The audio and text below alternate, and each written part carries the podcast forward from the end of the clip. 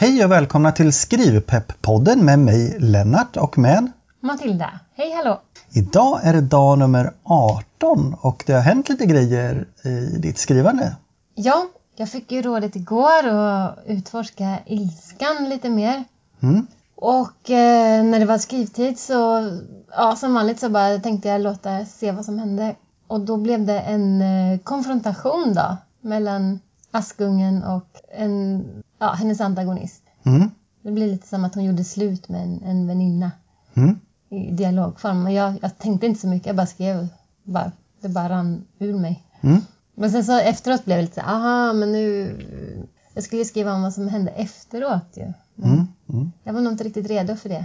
Nej, men jag tror inte att det gör någonting för att det du skrev igår var mer uppladdningen inför den här eh, konflikten och nu har du skildrat den här konflikten. Så vad händer härnäst helt enkelt? Det har jag ingen aning om. Nej, men det betyder att du behöver pusha historien framåt. Och det betyder att de som läser berättelsen, de kommer att ha lika lite eh, koll på vad som händer som du har.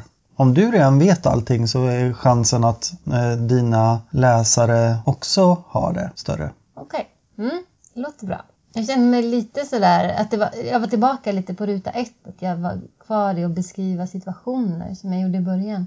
Det var inget helikopterperspektiv på det här. Nej, men det måste det heller inte vara. Och anledningen till det är att du har gjort någonting annorlunda här. Du har faktiskt gått in i konflikten och skildrat den. Den är inte så pass kort. Och dessutom, den slutar med en, ett nytt jämviktsläge. Det vill säga, här har det hänt någonting i den här situationen. Så situationen är inte liksom bara statisk utan här händer en förändring och nu kan du gå vidare efter den här. Och i det här fallet då, i din scen så har det, har det varit så att Askungen egentligen får det hon är ute efter. Det tar slut så att säga mellan vännerna. Men är det så himla bra? Nej, vad menar du med att hon får det hon ute? Ja men eh, hon vill ju komma undan den här konstiga vännen. Mm. Men det behöver ju inte betyda att allting är frid och fröjd bara därför. För att hon får som hon vill. Nej, nej. Nej, nu är väl nu livet börjar egentligen. Ja, precis. Mm.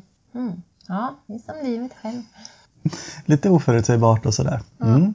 Okej. Vad tycker du jag ska tänka på imorgon då? Så vad händer efteråt? Hennes reaktioner till exempel på det här. Men också nya saker som kommer in i hennes liv på grund av det här. Sånt som inte hade kunnat hända tidigare.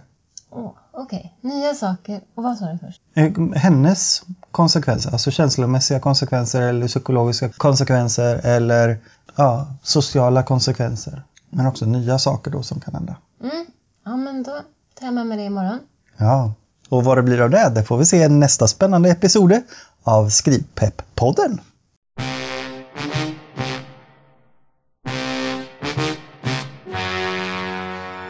Den här podden blir mycket bättre om du som lyssnare hjälper till.